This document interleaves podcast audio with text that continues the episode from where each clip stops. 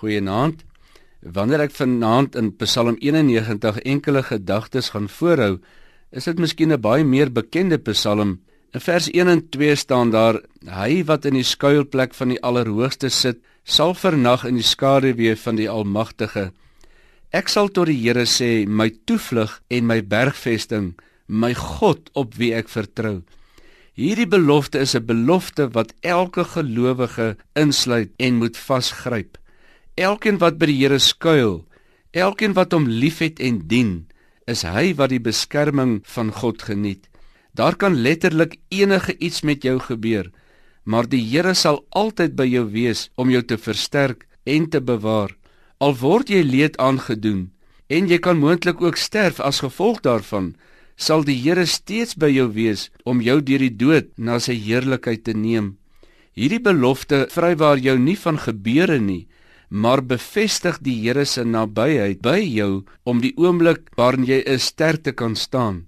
Die Here kan egter wonderwerke in jou omstandighede doen, soos wat ons al dikwels gehoor het en so Sadrag, Mesag en Abednego dit in die vuuroond beleef het.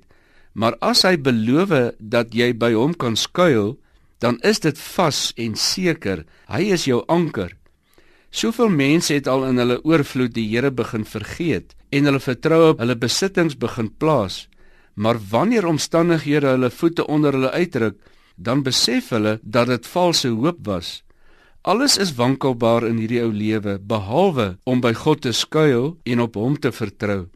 Ek het al van vele mense gehoor wat die Here vertrou het om deur 'n groot operasie te gaan of dat hulle gebid het vir 'n uiters moeilike besluit by die werk Sommiges het ek al gehoor wat gevrees het vir 'n verhoor wat voorlê en hulle het geen bewyse gehad om hulle onskuld te bewys nie, maar agterna het baie vertel hoe dat die Here uitkomste gegee het, hoe dat hy die situasie beredder en hulle versterk het. In Sagaria 2 vers 8 rig die Here 'n waarskuwing aan Israel se vyande met die woorde: "Want wie julle aanraak, raak sy oogappel aan." Jy as kind van die Here is baie spesiaal vir hom. Hy het sy lewe vir jou afgelê. As hy dan jou uitnooi om by hom te skuil en hom te vertrou vir beskerming, sal hy doen wat hy beloof het.